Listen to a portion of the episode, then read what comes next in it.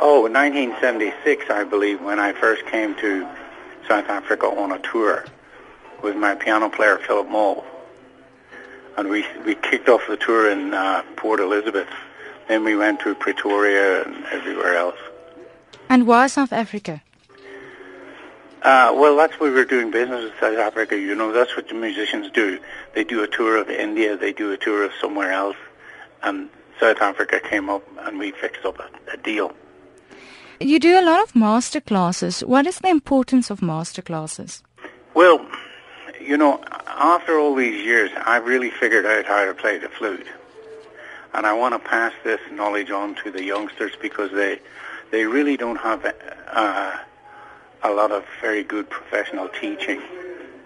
And what is the opportunity for South African musicians to, to be successful overseas? Oh, there's plenty of South African musicians overseas. I mean, I just had a, an email from a friend of mine who plays a double bass in one of the orchestras in London, and he's South African, and he, he was wishing me well for the tour. You are a tireless promoter of the arts, committed to sharing this love of music. What do you think about the debate between crossover and classic? Oh, I didn't know there was a debate. What? Tell me about it. You know, you've got the purist that says oh, that. Oh yeah. Well, we don't worry about them. Yeah. They're a minor sort of blot on the landscape. You see, we we play for the big public, not not the two or three people in the audience of 2,000 who think they know better than everybody else. Yeah, so it's not necessary to keep music pure. It's involving. Wait a minute. Wait a minute. We're getting into a, an area which is very grey. What do you mean pure? By traditional performing methods. And that could also be a debate. Well, it could be. But traditional form, performing methods are sort of, um, well, they're traditional. They're not very interesting. I mean, when you hear somebody like, when you hear really great violin playing with somebody like Heifetz or Isaac Stern or these sort of guys, that's what I think is traditional. The other people don't get up to the traditional mark. Mm.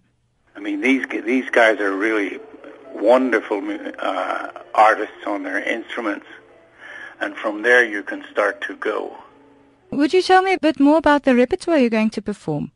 Yes, uh, I'm playing a Mozart concerto in D, Köchel 314, which was originally, they say, the oboe concerto and I'll believe that when I see the score. Anyhow, um, and with my wife, I'm playing. This is with the Mozart players.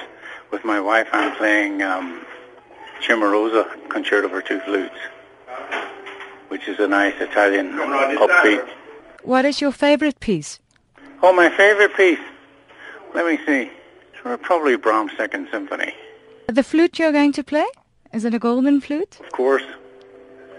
It's a it's a flute made by Nagahara. Mr. Nagahara is uh, working in Boston. He has a big uh, firm there, and they manufacture handmade flutes. What's the difference in the sound of that flute? The difference in the sound of any flute depends on the player.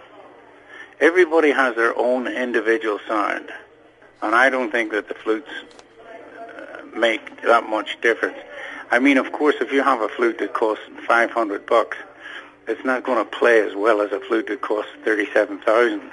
But still, it's about the technique it's being played with. That's right. You had a lot of honors bestowed on your career. What's a great highlight for you? Oh, I, I would think my knighthood from the Queen. Yep,